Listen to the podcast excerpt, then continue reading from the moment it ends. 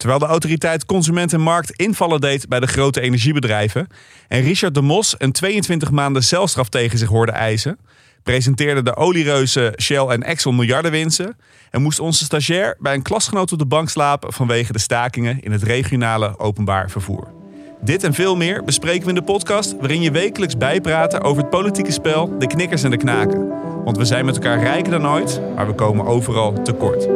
Mijn naam is Sander Heijnen en welkom in de BV Nederland. En dan nieuws van vanmorgen dat de ACM, de Autoriteit Consumentenmarkt, invallen heeft gedaan bij drie grote energiemaatschappijen. Een lastige dag voor wie afhankelijk is van het OV nu er weer wordt gestaakt. Vakbond FNV vindt dat het loon van de werknemers net zo hard moet stijgen als de inflatie. De Eerste Kamer behandelt vandaag een initiatiefwetsvoorstel waarin wordt voorgesteld het minimumloon vanaf begin volgend jaar anders te gaan berekenen. Volgens het Openbaar Ministerie is bewezen dat Richard de Mos zich heeft laten omkopen en dat hij mijnheid heeft gepleegd.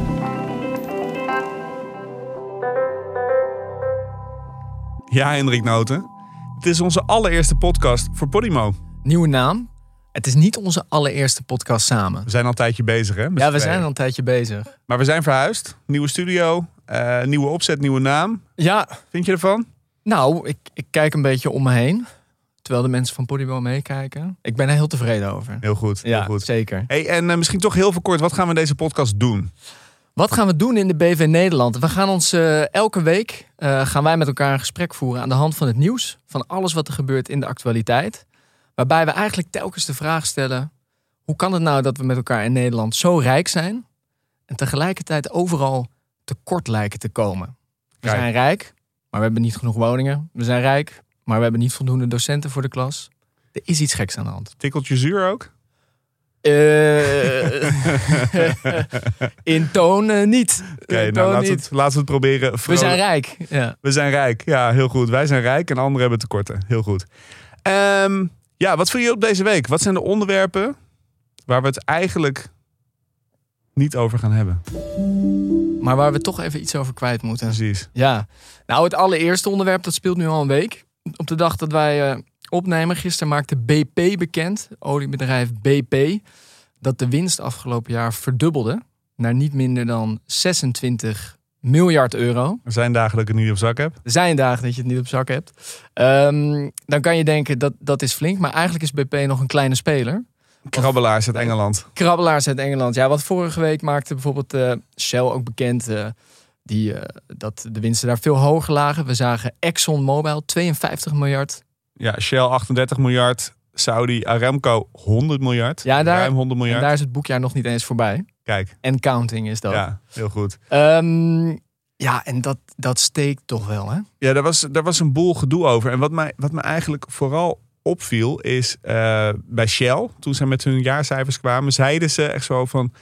Dat was echt een steek naar pensioenfonds ABP. Hè. Die hebben gezegd, wij beleggen niet meer in die fossiele bedrijven. Ze zeiden, ja, het is eh, eigenlijk heel goed dat wij zoveel winst maken, want het geld gaat deels naar de pensioenen. Omdat er natuurlijk veel pensioenfondsen zijn die beleggen in Shell. Dat was de begeleidende tekst. Ja, dus eigenlijk, eigenlijk is het moreel heel goed en verantwoord dat Shell nu zoveel winst maakt. Dat is eigenlijk, is eigenlijk hoe ze het probeerden te pitchen. Dat moet je wel durven zeggen, hè? Ja, ik viel bijna van mijn stoel eh, toen ik dat hoorde. Want ja, ten eerste, ze hebben natuurlijk ons eerst dat geld afhandig gemaakt bij de pomp. Hè, laten we wel wezen. Eh, want zo'n bedrijf als Shell, die werken met een model waarin ze ehm, gewoon een marge op de, op de kostprijs zetten. Hè, dus je, als die kostprijs veel hoger wordt, eh, nou die marge blijft hetzelfde. Dus dat wordt in absolute bedragen ook veel hoger. Ze, ze hadden natuurlijk ook kunnen zeggen, oké, we snappen dat het lastig is, die hoge prijzen. Dus we zullen met een iets mindere marge genoegen nemen, want dan blijft onze winst op peil.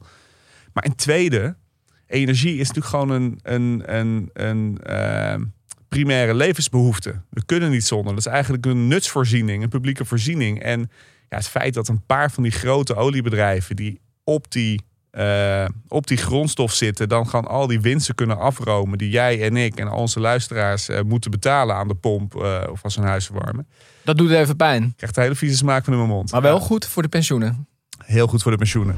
Hey, iets anders wat opviel. Ehm, voor de nieuwe luisteraars. Dat is misschien, mag dat wel jouw pet project? Zou ik dat mogen noemen?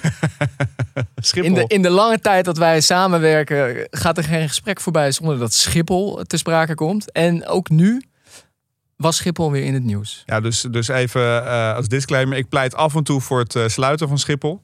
Eh, Schiphol is daar zelf overigens goed mee bezig om dat ook voor elkaar Oh, te ja. krijgen. Want eh, in, in tegenstelling tot eerdere beloftes gaat Schiphol toch weer een limiet stellen aan hoeveel vluchten en reizigers er afgehandeld kunnen worden. Want wat blijkt, wederom kunnen ze niet over voldoende personeel beschikken om in de meivakantie alle luchtreizigers goed te bedienen. En het probleem zit vooral bij de afhandelbedrijven.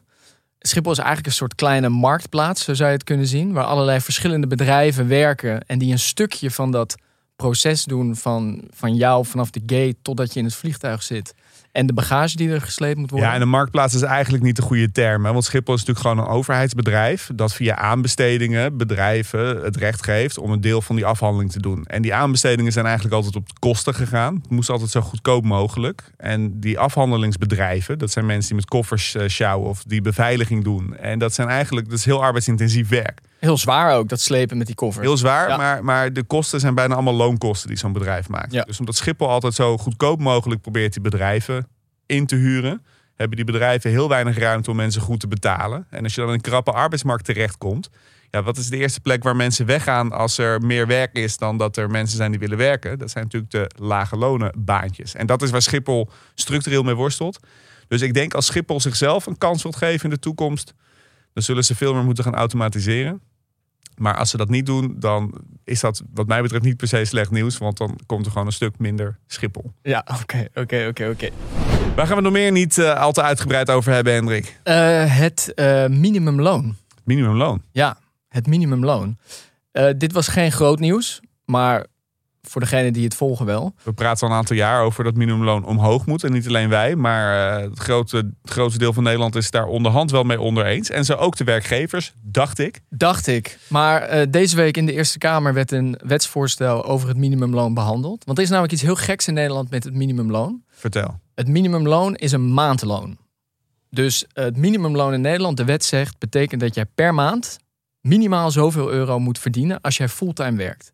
Maar de wet heeft één ding niet gedaan.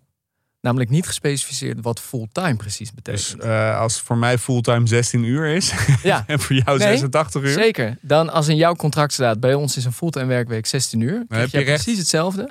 Als iemand anders, waar bijvoorbeeld staat, eh, fulltime is 40 uur. Dus het wettelijk uurloon, en, want we maken er nu een karikatuur van, maar in feite kan het variëren tussen de 36 en de 40 uur. Hè? In Ja, in de praktijk komt het daarop neer. Maar dan gaat het dus al gauw om 10% verschil tussen mensen. Nou ja, dat, dit is een beetje technisch, maar het, het 10% loonsverschil is serieus. Zeker voor mensen die op dat eh, niveau zitten. Dus nu heeft de Kamer gezegd van nee, dat is toch een beetje vreemd. Het uurloon, minimumloon, zou gewoon op het uur bepaald moeten worden. En eh, deze week behandeling in de Eerste Kamer. En toch een hele groep eh, werkgevers die een petitie kwamen aanbieden. Omdat ze, zoals ze zelf zeiden, op zich niet tegen het, een hoger minimumloon zijn. maar, wel niet betalen. Tegen hogere kosten. dat was letterlijk de tekst. Ja, ja. ja, nee, het is wel creatief. Eh, Ook, dus eh, dat, dat vond ik wel echt, echt genieten. Dus het verzoek was vooral of er compensatie kon komen. Ja, Ja. Daar kwam het op neer. God, de compensatiesamenleving. Ja. Nee, ook dat is de BV Nederland. Wat ook de BV Nederland is, jawel, is Richard de Mos. En dat is niet zomaar een beetje BV Nederland, maar hij is ook de campagneleider van de partij BV Nederland. Of BVNL, moet ik zeggen. Dus wij hebben een beetje een persoonlijke, persoonlijke verbinding met Richard de Mos. Zeker, ja, zeker. En eh, eh, nou, Richard de Mos was ook eh, een hele, of is een hele populaire politicus in Den Haag. Hè? En hij was ook wethouder daar. En hij is wethouder afgeraakt een tijdje geleden, omdat hij van zijn bed werd gelicht op verdenking van corruptie. En nu hoorde ik justitie 22 maanden cel tegen hem eisen. Ken jij? Politiek proces, volgens hem. Volgens hem, ja. Nou Ja. hij is gewoon een ombudspoliticus die gewoon Ja. eh, pro- problemen probeert aan te pakken. Volgens het OM eh, trekt hij eh, ondernemers die hem geld betalen voor. Hè, wat toch wel vrij plat corruptie is. Maar nou, het volgende wat ik ga zeggen is misschien journalistiek niet super verantwoord. Oké. Maar ik, ik, ik zat, ik zat televisie te kijken en toen zag ik zijn advocaat in beeld komen. Die ging uitleggen dat het allemaal onzin was. En dat was Plasman. En het enige wat ik kon denken toen ik Plasman zag praten. Oké, die is schuldig. Ik denk, ik denk dat het goed is dat de rechter hier uiteindelijk een Ja, uitspraak over ik- doet ik- en niet jij. Ik, eh, ik, eh, ik zie dat punt ook. Maar hij, de- nog even hij staat dus ook, zag ik eh, eh, de Mos, dus nu ook op de lijst bij BVNL. Staat hij ook op de lijst? Voor de waterschappen volgens mij. Oh, Hij is ook verkiesbaar daar. Ja, kan je daar ook iets omkopen? Dat je... Ik denk dat het vrij makkelijk is om daar... Ja, maar het is even, even toch, toch heel klein beetje inhoudelijk. Want hè, hij heeft Wat, donatie- wat heeft dit met de BV Nederland ook te maken? Dat moet je wel even uitleggen. Nou, kijk, we zitten in Nederland. We werken in een land waarin eh, op papier heel weinig corruptie is. Maar heel veel corruptie gaat gewoon met een keurige factuur, gewoon via de fiscus. En, hè, oh, dus, dus, dus je bent minister of je bent Kamerlid. En dan regel je allerlei dingen voor bedrijven. En dan ga je na je ministerschap ga je voor zo'n bedrijf werken. Hè. Wat bijvoorbeeld Camille Eurlings heeft gedaan. We hebben nu Richard Knops die voor de defensieindustrie gaat werken. Eh, dus dat is eigenlijk heel gebruikelijk. Alleen wat hij heeft gedaan, is hij heeft donaties aangenomen van bedrijven. En volgens justitie heeft hij vervolgens als politicus die bedrijven voorgetrokken. Dus hij heeft eigenlijk de volgorde van hoe we in de BV Nederland eh, eh, Aan corruptie met- doen. aan corruptie doen, heeft hij omgedraaid. Ja, en dat wordt dus blijkbaar niet geaccepteerd. En ik, nou ik, denk dat we nog wel een keer gaan terugkomen op deze zaak. Nu niet al te uitgebreid, want ik wil eerst die rechtszaak een beetje volgen. Kijken wat er nou allemaal precies speelt. Dus laten we hem ook nog niet meteen schuldig verklaren. Wat ik net eh, per ongeluk eh, al wel deed. Maar ik vind het heel interessant in het grotere kader van hoe wij, eh, hoe wij dit land met elkaar besturen. Oké jongen, dit was het voor, eh, voor de korte dingen. Waar gaan we het eh, uitgebreid over hebben? Ik zie in ons draaiboek staan stakingen, slooproosters, eh, streekvervoer, eh Uberchauffeurs die een hoofdkantoor bestormen en nog veel meer arbeidsonrust. Misschien is het goed als jij als eh polderjongen even introduceert wat er aan de hand is. Ja, het is onrustig in de BV Nederland deze week. Ik reed zelf toevallig gisteren reed ik eh, van huis weg. Ik woon in, eh, in Amsterdam. En ik moest, op de, ik moest ergens anders zijn, dus ik moest de snelweg op. Ik reed de A10 op. En terwijl ik eigenlijk de invoegstrook opkom, probeer ik, eh, het was in de middag, dus normaal redelijk ontspannen, probeer ik in te voegen. En links van mij zijn alle banen bezet met een stuk of honderd auto's. Eh, met Maar vlaggen is- uit het raam. Ik wou zeggen, dat is eh, eigenlijk altijd als ik invoeg op de Nee, ring, nee, nee, nee, eh, nee, nee, zijn die banen bezet met auto's. Vlaggen uit het raam, alarmlampen aan. Volgens mij reden ze 70 of zo kilometer per uur. Getoeter. En dat bleek dus eh, een optocht van Uberchauffeurs te zijn. Die op dat moment, met behoorlijk wat pit in de onderbuik, op weg waren naar het hoofdkantoor. Allemaal blauwe kentekentjes. Allemaal blauwe kentekens. En het is maar een van de vele voorbeelden eh, deze week. Er wordt eigenlijk, lijkt het wel, steeds meer eh, gestaakt. Ehm, de luisteraars die in Utrecht wonen, zullen misschien inmiddels ook dat op straat ondervinden. Want er wordt het afval al een hele tijd niet eh, opgehaald. En het is vrij windstil eh, vandaag, dus Ja, je gaat het ook echt een beetje ruiken, denk ik. Ja, het begint Ja. echt, echt, smerig, eh, echt smerig te worden. En het gaat overal volgens mij om dezelfde dingen. Namelijk vooral over, over poen. Ja. Maar het gaat ook om een aantal andere dingen soms. En dat is over werkdruk. En dat zagen we bijvoorbeeld heel erg in het OV. Waar dat woord van de slooproosters naar voren kwam. Vind ik een mooie term. Ik vind dat, ik vind altijd leuk als... eh, je, zag, je zag bij die boerenprotesten vaak dat ze van die hele lullige frames hadden. Ik vind dit wel een lekker gevonden frame, toch? Het slooprooster. Ja, Want misschien voor iemand die niet weet wat een slooprooster is. nou ja, ik heb dit. Ik ga nu eh, de omschrijving ga ik er nu bij halen die door de vakbond zelf gegeven wordt. Het slooprooster. Dat zeg ik erbij. Om, Jij bent, dat, jij bent dat zo'n lekkere man van de praktijk. hè? Ja, om het nog enigszins, eh, enigszins journalistiek, te, journalistiek te houden. Nee, het slooprooster, dat is de, de mensen die in de regionale OV-lijn, dus dat zijn de buschauffeurs eh, voornamelijk die er rijden, die klagen heel erg over dat ze in één week te maken hebben met vroege en bijvoorbeeld met late diensten. Hele krappe rijtijden. En vooral ook heel weinig rust. Ja, dus wij... Bijvoorbeeld een wij- avonddienst, dat je dan een kwartiertje hebt om even snel je avondmaaltijd naar binnen, naar binnen te nassen.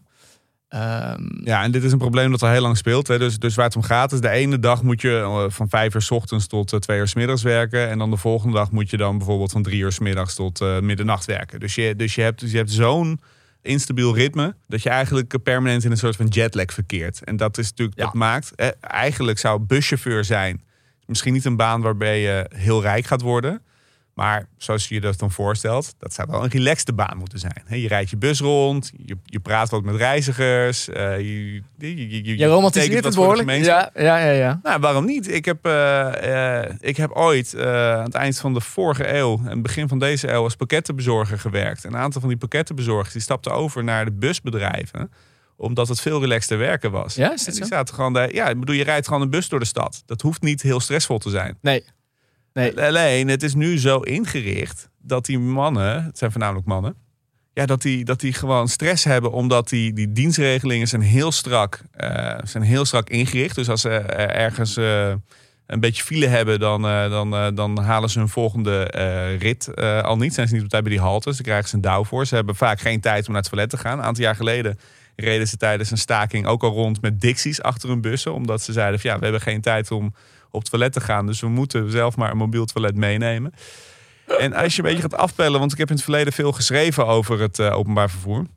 Mag ik hier één ding over zeggen? Want wat nu ook de woede volgens mij uitlokt, is dat dus de werkgevers willen dat de roosters van die eh, chauffeurs nu eigenlijk nog flexibeler worden. Want Ja. ze zeggen ja, personeelstekort, eh, te weinig geld, et cetera. Dus daar zie je dat eigenlijk die, die knijpen dat nog meer aan. Dat is de directe aanleiding. Precies. Maar er zit natuurlijk iets structureels onder waardoor dit zo gekomen is. Want het was misschien ooit ook best wel een romantische baan in die zin. Ja, er was een tijd dat je gewoon in dienst was van een eh, overheidsdienst. Met alle eh, leuke voorwaarden die je bij de overheid hebt als eh, werknemer.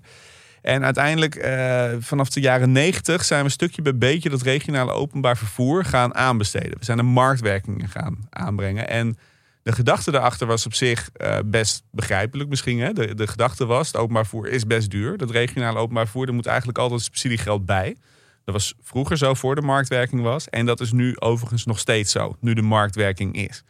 Maar wat ze hebben gedaan is, eh, afhankelijk per gebied, per regio, mag je elke 10 of 15 jaar wordt dat openbaar vervoer wordt aanbesteed aan een speler. Dat is, dat is het moment dat de markt is.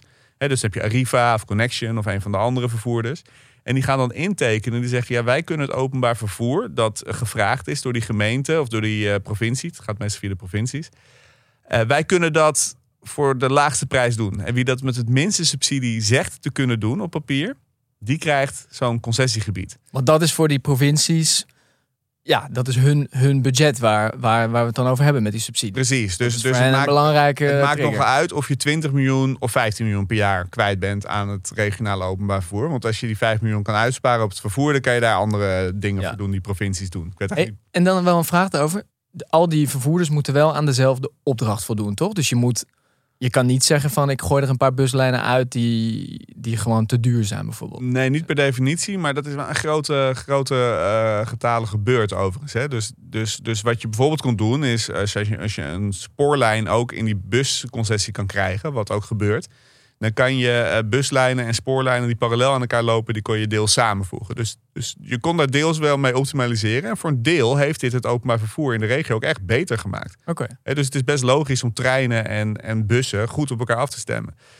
Alleen om die kostenreductie te halen, ehm, ja, de belangrijkste kosten hier zijn één materieel, eh, maar nog belangrijker zijn de loonkosten. Ja, de kosten van het materieel, daar doe je niet zoveel aan. Weer die loonkosten. Maar die loonkosten, daar kan je in knijpen. Dus, dus wat ze gedaan hebben is, ze zitten maximaal iedere keer om zo'n aanbesteding te winnen. Hè, net als op Schiphol zitten ze te kijken hoe kunnen we nou zorgen dat we minder kwijt zijn aan loonkosten dan onze concurrent. Ja, en dat doe je dus door eh, uiteindelijk je personeel uit te wringen. Door ze geen vaste contracten te geven. Of door ze eh, eh, nou, ja, door, door heel erg te beknibbelen op van alles en nog wat. Door ze te kijken of ze meer ritten op een dag kunnen doen. Dus dat ze Die meer roosters. pauzes hebben. Dus Ja. die roosters daar gewoon mee, mee klooien. Dat is uiteindelijk hoe wij ervoor hebben gezorgd als samenleving. Dat ons regionale openbaar vervoer iets goedkoper is geworden. Dus, dus we hebben heel duidelijk in Nederland een, een afweging gemaakt van wat vinden we belangrijker. Dat we niet te veel kwijt zijn aan het openbaar vervoer. Of dat de mensen die in het openbaar vervoer werken goede arbeidsvoorwaarden hebben. En eigenlijk gaat die staking hierover. Maar die staking is dan ook wel een signaal. Want het is niet de eerste keer. 2019 waren er volgens mij ook al grote stakingen. Ook in dat streekvervoer. Ja, dit, dit speelt al eh, en, en, en langer geleden ook al. Dat de rek daar inmiddels misschien wel uit is. Want je kan natuurlijk wat winst behalen met dat optimaliseren. Dat snap ik ook wel. Ik vind het als reiziger ook fijn als eh, de bus aansluit op de trein. Eh, maar da- dat is natuurlijk wel eindig. En op een gegeven En- moment... En je zegt wel, eh vind het fijn als het op elkaar aansluit. Wat dus nu ook wel eens gebeurt, is dat bussen gewoon doorrijden. Als ze bij een halte zijn en er staan mensen die slechter been zijn. Omdat ze, Ja, denken, omdat ze denken, ja, of ik ben al mijn haltes te laat. En dan krijg ik een enorme boete. Of ik skip twee haltes en dan zit ik weer op mijn schema. Alleen als je dan op een plek bent waar maar eens per uur een bus komt. En je staat daar en die gas rijdt door. Omdat hij, niet omdat hij jou een lul vindt, maar gewoon omdat hij... genaaid. omdat zijn baas een lul is. Eigenlijk is dat ongeveer eh, eh, hoe het in elkaar zit. Ja, dan kan je je afvragen of je als samenleving nog krijgt wat je wilde hebben. Maar wat jij zegt nu, samenleving, samenleving. Ja, sorry. Ik bedoel mensen die afhankelijk zijn van het Nee, openbaar vervoer, ik. zoals eh, onze stagiair. Nee, dat snap Want jij en ik gaan natuurlijk gewoon met de auto dan. Tuurlijk. Ik lijk wel gek. Nee, maar ik, mijn punt is meer, die staking is natuurlijk een conflict tussen de, de vakbonden en de werkgevers. Of de werknemers en de werkgevers. Maar eigenlijk speelt die provincie en wij als belastingbetaler op de lange termijn hier een veel grotere rol. Want de vraag die erboven hangt, is wat is het ons waard? Ja, en dat, is ook een door- en dat is eigenlijk ook een doorlopend thema in dit type eh, stakingen. Die je ziet bij aanbesteden publieke diensten. We hebben dat in 2010. Dat was mijn, mijn eerste grote klus als, eh, als journalist. Toen zat ik bij de Volkskrant en daar ging ik sociale economie doen. En toen had je de grote schoonmaakstakingen in 2010 en 2012. En dat ging precies over dit. Hè. Dus de, de schoonmakers eh, die voor de NS werkten, die voor Schiphol werkten... en voor de ministeries werkten, die waren gaan staken omdat ze aan de CEO-tafel merkten ze dat ze vroegen de werkgevers meer geld. Die werkgevers zeiden: ja, we hebben gewoon niet meer geld. Want wij krijgen bij die aanbestedingen moeten wij zo goedkoop mogelijk inschrijven. Anders hebben we überhaupt geen werk. En dat systeem, de vakbonden hebben toen gezegd: eh, van oké, dan gaan we met stakingen heel gericht onze opdracht, die opdrachtgevers proberen te pakken. Dus toen zijn ze gaan staken op de stations. Ja, het werd toen puin. Stonk het ook in Utrecht, jongen. Nou, het was het echt een puinhoop op die stations. En het ging zo ver dat de brandweer op het punt stond... bijvoorbeeld om station Amsterdam Centraal te gaan sluiten... vanwege brandgevaar. Omdat er gewoon zo ongelooflijk veel afval overal lag... en ratten rond eh, scharrelden. Het was gewoon echt verschrikkelijk. En eigenlijk zie je dat schoonmakers kunnen dat vrij effectief doen. Alleen als jij in het openbaar en streekvervoer werkt... Ja, je kan natuurlijk die aanbestedende overheid... kan je moeilijk rechtstreeks raken met je actie. Ja, bedoel, je kan met je bus eh, een provinciehuis binnenrijden. Dat is iets wat, wat boeren wel eens hebben geprobeerd. Een proefrecept zou ik het willen noemen. Ja, werkte wel, inderdaad. ja. nee, Alleen- maar dat kan niet zomaar. Zo'n bus is dat toch minder anoniem als je dat doet. Dat is, ook, dat is zeker waar, ja. Dat is zeker waar. Ehm, er zit wel iets, er zit me hier wel nog iets dwars. Want jij zegt, eh, we hebben dat aanbesteed en eh, die marktwerking. En er waren ook misschien wel goede redenen voor, et cetera. Nou, dat, dat, dat zal ook ongetwijfeld. Eh, we hebben daar marktpartijen van gemaakt die dat nu moeten uitvoeren. Maar volgens mij zijn een deel van die bedrijven die die concessies krijgen, noem een Arriva, noem een, eh, hoe heet dat andere? Qbus, of je hebt allemaal van die Connection, connection. Veolia, ja. dat zijn wel weer zelf dochterondernemingen van buitenlandse staatsbedrijven. Ja, dat is het meest, dat is het Dat meest, is- dat is het meest zieke aan snap dit gewoon niet. ja, die openbaar vervoermarkt. Is natuurlijk helemaal geen markt. In de zin dat er, er zijn relatief weinig private spelers eh inactief. Want het zijn over het algemeen hele grote investeringen. Zeker als je ook spoor moet rijden. Dan moet je gewoon treinen voor hebben. Nou, dat, wie, wie heeft er nou treinen? Ja, Staatsspoorбedrijven hebben treinen. Ehm, en, en, en uiteindelijk, omdat die, eh, de Europese Unie vanaf de jaren negentig is gaan zeggen van die, spoor, eh, die spoorconcessies moeten open. Er moet marktwerking komen op het spoor. Zijn al die grote nationale spoorbedrijven die zijn gaan kijken. Ja, shit, als die markt open gaat, dat betekent dat wij een deel van onze privileges kwijtraken. Dat we concurrenten kunnen krijgen. Dus dan moeten we zorgen dat we, als we willen blijven bestaan, dat we ook over de grens zelf uitbreiden. Ja, Hè, NS doet het ook. Die had ook een dochter Abellio die eh, best veel eh, concessies had. eh, in Engeland of zo, in toch? Engeland onder meer, Ja. ja. Italië volgens mij.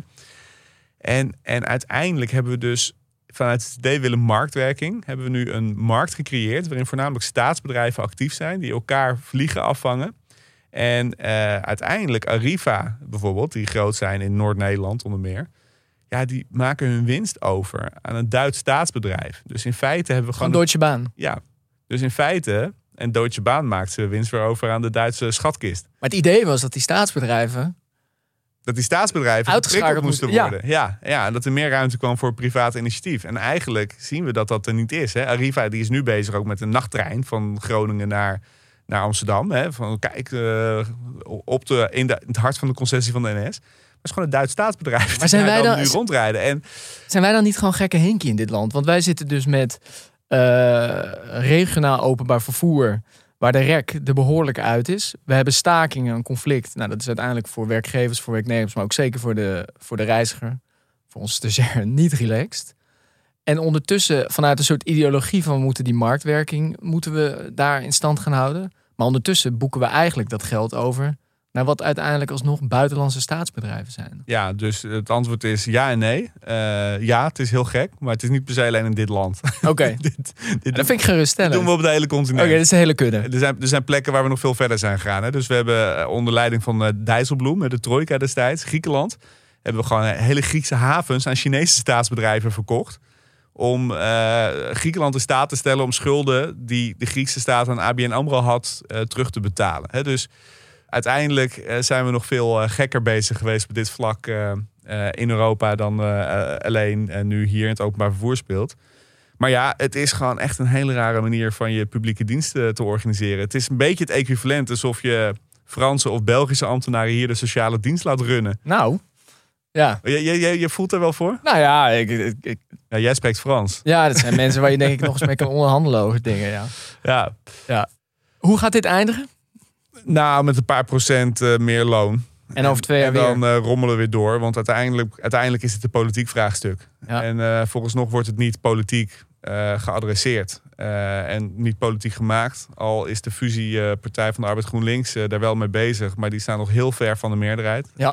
En ook de SP die dat ook vindt ook. Dus, eh, dus ik denk uiteindelijk dat dit gewoon gaat eindigen. Rommelen. Dat er eh, een paar procent eh, bij komt. En een paar beloftes die niet worden nagekomen. En over drie jaar moet de volgende stagiair weer bij een vriend op de bank slapen. Om, om hier op tijd te kunnen zijn in de studio.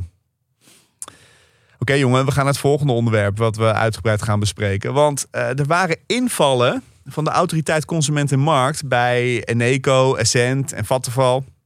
Eh, of invallen. Ze noemden het eh, volgens mij onaangekondigde werkbezoeken.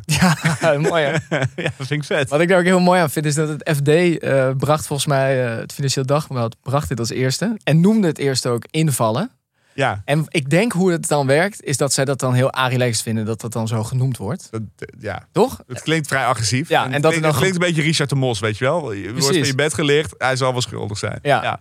Eh, precies, Gerard Plasman stond nog net niet eh, zijn visitekaartjes uit te delen. Als, eh, de als, als, als. Plasman het komt opnemen voor deze bedrijven, dan word ik eh, sceptisch. Ja. Maar, dus dan wordt later werd die kop aangepast. Toen waren het inderdaad geen invallen meer, maar toen waren het werkbezoeken. Overigens zonder dat er ook verdenkingen zijn van strafbare feiten. Althans, dat benadrukte de ACM. Nee, volgens mij concrete verdenkingen, volgens mij. Dus, dus, Concrete verdenkingen. want, Oh, je moet daar heel voorzichtig dan zijn op dat taalgebruik. Nou ja, tuurlijk. Want eh, wat je ziet, is dat de huidige energieprijzen zijn eigenlijk weer zoals ze waren voor de eh, crisis in Oekraïne begon.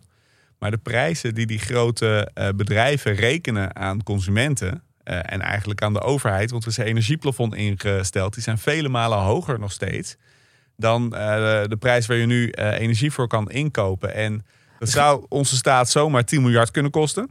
Aanvankelijk leek het erop dat het energieplafond toen het werd ingesteld dat het misschien wel 30 miljard ging kosten. Nou, dat zou dus nu kunnen zijn gereduceerd naar 10 miljard. Maar het heeft, eh, in ieder geval is het goed om eens uit te zoeken als, als land. Eh, of die 10 miljard die wij dan vanuit de schatkist moeten overmaken naar die energiebedrijven. Of dat wel terecht is. Of dat zij nu bezig zijn om kunstmatig die prijzen hoog te houden. Omdat ze denken, ja, de consument betaalt het niet. De, de, hè, Sigrid Kaag, eh, de schatkist, die betalen dat. Dus het lijkt mij op zich goed dat je even op werkbezoek gaat. Om eens te, uit te zoeken hoe die prijzen tot stand komen, toch? Ja, zeker. Hey, en voor degenen die dat niet goed weten, waarom is de, de ACM, de Autoriteit Consument en Markt, daar de geëigende partij voor? Wat is hun... Zij zijn de kartelwaakhond. Gewoon de Hè, dus, kartelwaakhond. Dus zij moeten, een van hun taken is om te onderzoeken of bedrijven verboden prijsafspraken maken. Dus het is niet toegestaan om als ondernemers met elkaar af te spreken van, nou ja, een brood. Hè, stel dat alle bakkers in Nederland afspreken vanaf morgen is een brood 10 euro. Ja, we weten dat een brood kan je voor 2, 2,5 euro eh, ook heel lekker maken. Dus dan door die prijsafspraak betaal je dan veel te veel. Dus dat is eigenlijk Ja. eh, de reden. Ja, en in die zin heeft de, de overheid wel echt een soort snoeppot voor die bedrijven neergezet met dat energieplafond. Want inderdaad, hoe het in de kern werkt, is dat eh, de minister heeft gezegd: er is een maximumprijs wat Nederlanders dit jaar voor energie betalen. Dat is het plafond. Dat is het plafond. En alles wat je daarboven nodig hebt om die energie in te kopen op de wereldmarkt. Daarop zit geen plafond. Daar zit zeker geen plafond. Nee. En dat compenseert, eh, dat compenseert natuurlijk de overheid. En het probleem is wat je zegt. Dat is dan alleen, is het wel heel lekker. Ja, het is bijna onweerstaanbaar voor bedrijven. Om dat gat tussen die twee zo lang mogelijk, zo groot mogelijk te houden. Het is gewoon een kwestie van afromen. Je ziet het ook altijd, hè, als olieprijzen hoog zijn, dan gaat de prijs aan de pomp altijd meteen omhoog. En als de olieprijzen weer dalen, dan zie je dat er altijd een zekere vertraging in zit. Eh, en dat is volgens mij wat hier ook aan de gang is. Want ik had het zelf, ik, zag zelf wat mijn eh, energieprijs ging worden vanaf 1 januari. Hè, want ik, zit, ik, zat, ik zat bij Green Choice. En ik heb daar eigenlijk jaren gezeten. Gewoon als, eh, hoe noemen ze dat? Iemand die nooit overstapt. Ik heb echt geen Nee, daar is een term voor, maar goed. Maakt niet uit. Eh, bij banken noemen ze nu bankhangers. En volgens mij is er Is ook... dat zo? Ja, dat is zo, ja. Jongens. Dus, eh, dat is een mooie campagne om mensen te stimuleren om eh, van bank te wisselen. Daar gaan we het vast ook een keer over hebben. Ehm, maar in ieder geval, eh, jarenlang, ik zat, ik zat daar prima. Het geld werd van mijn rekening afgeschreven. Maar ik heb een warmtepomp, dus ik heb geen gasaansluiting. En het energieplafond werkt zo dat je een x hoeveelheid stroom mag gebruiken en x hoeveelheid gas. Maar als je geen gas verbruikt, maar je huis verwarmt op stroom, dan verbruik je veel meer stroom. En ik had gezien dat met die prijzen van... eh, dus ik schiet boven dat energieplafond uit. En ik had gezien dat met die prijzen die Green Choice mij ging rekenen, ging ik 600, 700 euro per maand betalen vanaf 1 januari. Ik dacht, ja, daar heb ik niet per se zin in. Eh, en toen ben ik overgestapt naar een partij die dynamische stroomprijzen rekent. En dan koop je dus via je energieleverancier de, de directe marktprijs voor wat stroom Oh ja? kost. Dus dat is eigenlijk hetzelfde bedrag als wat die energiebedrijven op dat moment waar ze stroom voor kunnen kopen. En ik heb dus nog nooit zo weinig voor mijn stroom betaald. Echt waar? Ja. Maar wat is de, met, het nadeel is dat je ook heel erg de hoogte in kan gaan. Op het, moment, op het moment dat er weer een, eh, een eh, spike is in de prijs, dus dat Ja. het weer omhoog schiet, hè, wat we in september, oktober hebben gezien. Hè, toen, toen, die, toen die pijpleidingen eh, eh, naar Duitsland werden opgeblazen, die Nord Stream pijpleidingen, toen schoten die gasprijzen heel erg omhoog. En eh, op dat moment raakte iedereen in paniek van, oh jee, eh, heel Nederland gaat failliet. Dus is dat energieplafond toen ingesteld. Wat ik hier Maar heel, heel dat is een hikje geweest ja. in de prijs. En eigenlijk is hij vrij snel weer gestabiliseerd. ja, en daar zitten dus veel van die bedrijven nu. da- daar gaat natuurlijk gaat het voor de overheid duur worden. Want op basis van dat hikje zijn nu eigenlijk voor tot en met maart, of soms zelfs volgens mij tot en met de zomer, zijn prijzen vastgesteld voor de consument. Precies. En Die lekker hoog liggen. Precies, en de claim van die, want het is ook wel goed om het even te noemen. Hè? Ik ben even de plasman nu van de energiebedrijven. Nee, heel goed. En De claim van die energiebedrijven is, ja, wij, moeten steeds voor de duur van onze contracten al energie inkopen. Dus wij moesten in september, oktober, moesten wij gewoon gas en stroom inkopen voor onze klanten voor het eerste kwartaal of de eerste half jaar van 2023. Dus wij hebben toen met die hele hoge prijzen moeten inkopen. Dus berekenen we nu ook die hele hoge prijzen door aan de consument. Dat is hun, eh, eh, hun argument. Ja, waarbij dat niet per se wil zeggen dat die contracten voor die maanden ook vast moeten liggen. En nu zag ik dat op dezelfde dag dat de ACM deze onaangekondigde werkbezoeken hield, maakte Vattenval volgens mij bekend van nou aan het eind van dit kwartaal gaan we de prijzen verlagen. Eh, gaan we ook net onder dat plafond eh, weer zitten. Dus op zich communicatief handig hè, om meteen te proberen de, de wind uit de zeilen te houden, halen. Alleen in het eerste kwartaal van het jaar wordt vaak al de helft van al het energieverbruik gebruikt door consumenten. Ja, Dus het is natuurlijk heel mooi om dan te zeggen vanaf april gaan we dalen. Maar dan heb je eigenlijk al, ben je met je vinger al door de vetpot gegaan. Precies, want uiteindelijk eh, ongeveer driekwart van de energie die je verbruikt is om je huis te verwarmen. Ja, Ja, en wanneer verwarm je huis? Ja, nu. Ja, is- hartstikke koud op ja, weg in het precies, precies, dat doe je in de wintermaanden. Ja. ja.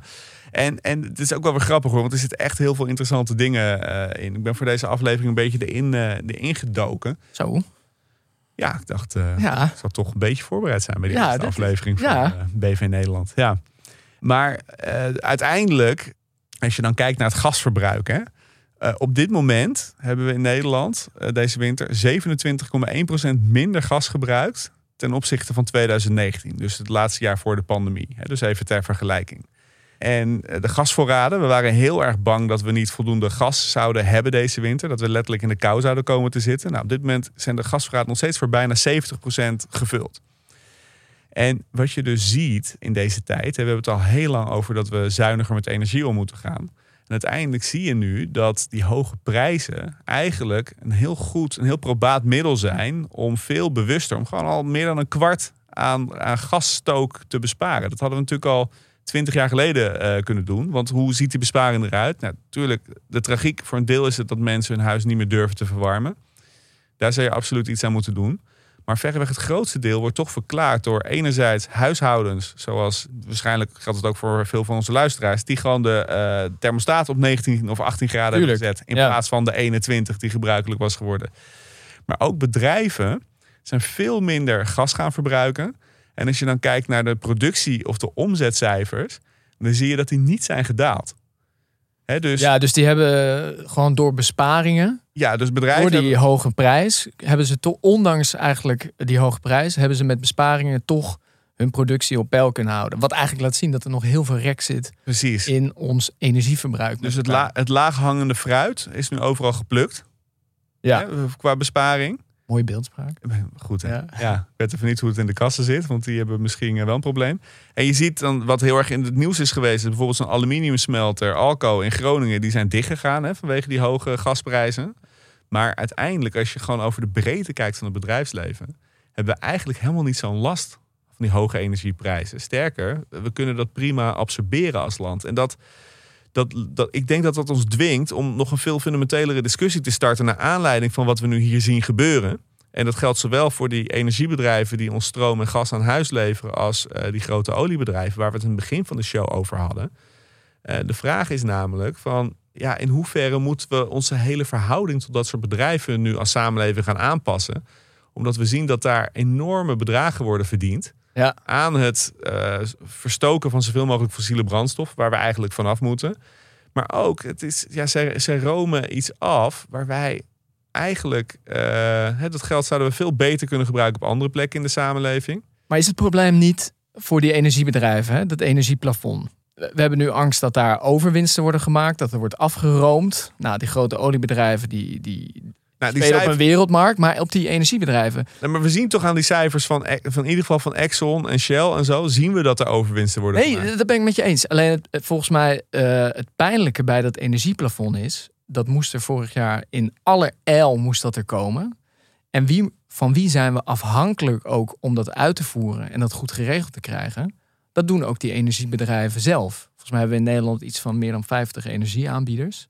Dus die, die overheid die tegen die 10 miljard kosten aanloopt, je noemde het al eventjes, die bang is voor overwinsten, die de kartelwaakhond op die bedrijven af, afstuurt, die is tegelijkertijd ook afhankelijk van die bedrijven om überhaupt nu ervoor te zorgen dat mensen niet door hoge energierekeningen helemaal door de bodem heen zakken. Dat is natuurlijk ook wel. Ik bedoel, we kunnen het helemaal hebben over hoe we ons moeten verhouden tot die lui. Maar volgens mij verhouden we ons eigenlijk een beetje op een lullige manier. We zijn Ja, best wel kwetsbaar. ja en, en ik denk ook wel dat hier een deel van Als ik in één keer was, zou ik zeggen: Kom, ja, prima, werk ik niet meer mee met het plafond. Gaat je kiezer maar uitleggen. Ja, Ja, ja, succes erop, Jette. ja, alleen als ik Rob Jetten was, zou ik dan zeggen: doe maar, gaat je, gaat je klant maar uitleggen. Want uiteindelijk, ja, je kan dus nu gewoon. Ik, Ja, maar die fitty moet je willen aangaan dan.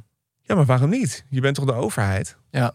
Eh, en, en uiteindelijk zie je dus wat er nu ontstaat, is dat er zijn nu een aantal partijen die zeggen: we moeten die energiebedrijven weer allemaal nationaliseren. Waaronder de SP. Waaronder de SP, maar volgens mij eh, zeggen eh, in de fusieplannen voor Partij van de Arbeid en GroenLinks zie ik het ook her en Oh ja. der eh, in de, in de, in de gedachtenvorming zie ik het voorbij komen. In de denkwolkjes. In de denkwolkjes, de gedachtenwolkjes. Ja, we weten niet precies welke kant het op gaat. Maar in feite hebben we hier gewoon te maken met, met oligopolische markten. Eh, waar we heel afhankelijk van zijn geworden. En als we dan eh, kijken naar. eh, Als je wat verder uitzoomt. Als je gewoon kijkt onder de kabinetten Rutte. Ik zag het toevallig, kwam ik het gisteren ergens tegen. In die kabinetten Rutte zijn de overheidsuitgaven gestegen van, van uit mijn hoofd 35 naar 39 procent van het BBP. Dus hij zei altijd, het moet een kleinere overheid hebben. Maar de overheidsuitgaven zijn steeds groter, groter, groter, groter geworden. Maar als je kijkt waar die uitgaven naar gaan. En voor een deel is het ook een beetje populistisch, want die hele coronasteun zat er natuurlijk tussen. Eh, dus daar hebben we natuurlijk heel veel geld eh, aan uitgegeven. Maar voor een groot deel is ons publieke geld, ons belastingsgeld. Dat wordt dus niet meer via publieke diensten besteed. Hè? Met publieke diensten, dus zoals scholen die eh, onderwijs geven aan kinderen. Waar die kinderen weer sterker van worden en later veel geld kunnen verdienen. Een bedrijf kunnen beginnen, belasting kunnen betalen enzovoort. Hè? Dus, dus dat is vrij logisch. Maar in dit geval, dit is een heel mooi voorbeeld waarin dus heel veel publiek geld gaat naar energiebedrijven die gewoon heel veel winst maken. Ja. En, en ik denk, Dus daar heeft de, de SP bijvoorbeeld wel, wat jou betreft, enigszins valide punt. Nou ja, het is, een soort, het is een soort hele gekke vorm van ideologieën die je hier met elkaar mixen. Want enerzijds hebben we, we hebben eigenlijk een soort verzorgingsstaat voor, voor private partijen hebben we voor een deel eh, gecreëerd met elkaar. En dat kan je denken van, eh, maakt niet zoveel uit, ik ben voor bedrijven. Maar het kost ons wel gewoon echt heel veel geld. 10 miljard. 10 miljard, dat is een raming. Maar bedrijven zijn eh, niet degene die heel veel belasting betalen. Maar het zijn natuurlijk vooral werknemers hè, Ja. die heel veel inkomstenbelasting betalen. Dus ja, ik, ik denk dat we dat gesprek veel nadrukkelijker zouden moeten voeren met elkaar in Nederland. Van vinden wij dit wenselijk met elkaar? En eh, misschien dat je al een beetje proeft waar ik sta in dat debat. Oh ja, joh. Ik, heb, nee, nee, ik, ik tast in het, du- in het duister. Ik eh, denk dat je er helemaal gelijk in hebt. Ik ben iets sceptischer over of dat ook gaat gebeuren. Wat in ieder geval gaat gebeuren is dat dit voorjaar over dat energieplafond gesproken moet worden in de politiek. Dus het lijkt me goed dat we dat volgen en daar dan ook op terugkomen. Want wie weet dat hier al wel eh, zaadjes voor geplant worden in dat gesprek. Maar ik moet je eerlijk bekennen, ik heb er een klein beetje een hard hoofd in. Je bent een beetje sceptisch, hè? Ja, ik ben een beetje sceptisch. Ja. ja. Ja. Hey, eh, Hendrik, eh, misschien genoeg over dit. We gaan eh, ook in deze podcast vragen van luisteraars beantwoorden. Maar dan moeten die vragen natuurlijk wel zijn. En aangezien dit de eerste aflevering is en we niet zo flauw waren om een vraag te fabriceren, hebben we die nu nog niet. Maar voel je vrij om ons te benaderen op ons e-mailadres. En dat is het mooiste e-mailadres van het land, zou ik wel willen zeggen. bvnederland at creator-podimo.com. Is dat het e-mailadres? Ja, dat is echt waar. Ja, dan kan je heel boos naar de stagiair kijken, maar dit is echt het e-mailadres. Ja, ik ben heel benieuwd of daar eh, post op binnen gaat komen. Maar je kan ons ook vinden op Instagram, eh BV Nederland. Eh, en jij bent persoonlijk altijd heel goed te bereiken via LinkedIn. Zeker, zeker. Ja, dus spam me maar vol. En dan wordt het nu tijd voor de favoriete rubriek. want je was net een beetje een sceptische noot. Maar het wordt tijd om over te gaan naar de vrolijke noot. Vrolijke noot. Ja, de slotrubriek waar ik jou elke week, dat vind ik ook echt leuk, eigenlijk mag verrassen met een, met een goed nieuwtje. Nou, verras me. Ja, ja. En ja, voor de luisteraar, het kan alle kanten, alle kanten opgaan. Eh, in dit geval, heel goed nieuws eh, over bomen. Bomen. Ja, ja. ja, je weet, ik ben natuurlijk een beetje een francofiel. Ik wilde zeggen notenboom, maar eh, Nee, dat... eh, oh, oh. Nou. Ehm, en ik kwam een, eh, een berichtje tegen in het Franse nieuws... over vrijwilligers in Parijs... die een nieuwe ehm, techniek van bomen planten aan het uitproberen zijn. Die uit Japan komt. Miyawaki. En ja, nee, wacht nou even. je moet lacht. denken aan rundvlees. Maar Nee, gemasseerd, geknuffeld vlees. Teriyaki-bomen. Nee, Miyawaki. En dat is een manier van, eh, zeg maar, herbossen. Waarbij je stukjes bos maakt van eh, de omvang van een tennisveld. Zo'n beetje. Door een Japanse botanist is dat ontwikkeld. Bonsaibossen. Ja. en dit blijkt nu, die bossen groeien tien keer sneller dan normale bossen. En pakken ook twee keer zoveel CO2 uit de lucht En waarom als normale bos. Ja, dat heeft gewoon met de techniek van het bos te maken. Dat heb ik niet helemaal uitgezocht. Het heeft te maken met de samenstelling en de hoogte en de biodiversiteit, weet ik voor wat. Nou, in Parijs zijn ze dat nu aan het planten. En het waait nu ook over naar de Amazone. Want daar hebben ze ontdekt dat met die techniek... Ja, je kijkt me aan. ik moest gewoon denken, Ro- Roland Garros gaat niet door volgend jaar. Want ze hebben op die tennisbaan een bos geplant. Ik Ja. ga stoïcijns door. Dat in de Amazone de natuur daardoor in zes jaar kan herstellen. Zes fucking jaar, gast. De hele Amazon. Nee, ja, niet de hele Amazone, maar in het gebied rond die eh, herbossingstechniek. Mooi. Hoe vet is dat? Ja, heel vet. Ik zal een fotootje op onze social zetten van Guillaume, de Parijse vrijwilliger die dit initiatief daar eh, trekt. Guillaume's, Frans voor Willem, voor de Nederlandse Willem. luisteraar. En eh, ja, echt, eh, ja, echt gewoon top. Daar kon ik nou echt vrolijk van worden. Maar ja, nee, ik- ik word er ook vrolijk van. Ja. Ik zie Jij één- kan er ook een beetje lullig over doen. Nee, ik zie, ik, zie één klein, ik zie één klein risico. Oh. Of één klein, eh, ehm, hoe zeg je dat? Dus we kunnen in zes jaar het hele Amazone herstellen. Te gek. Nou, goed.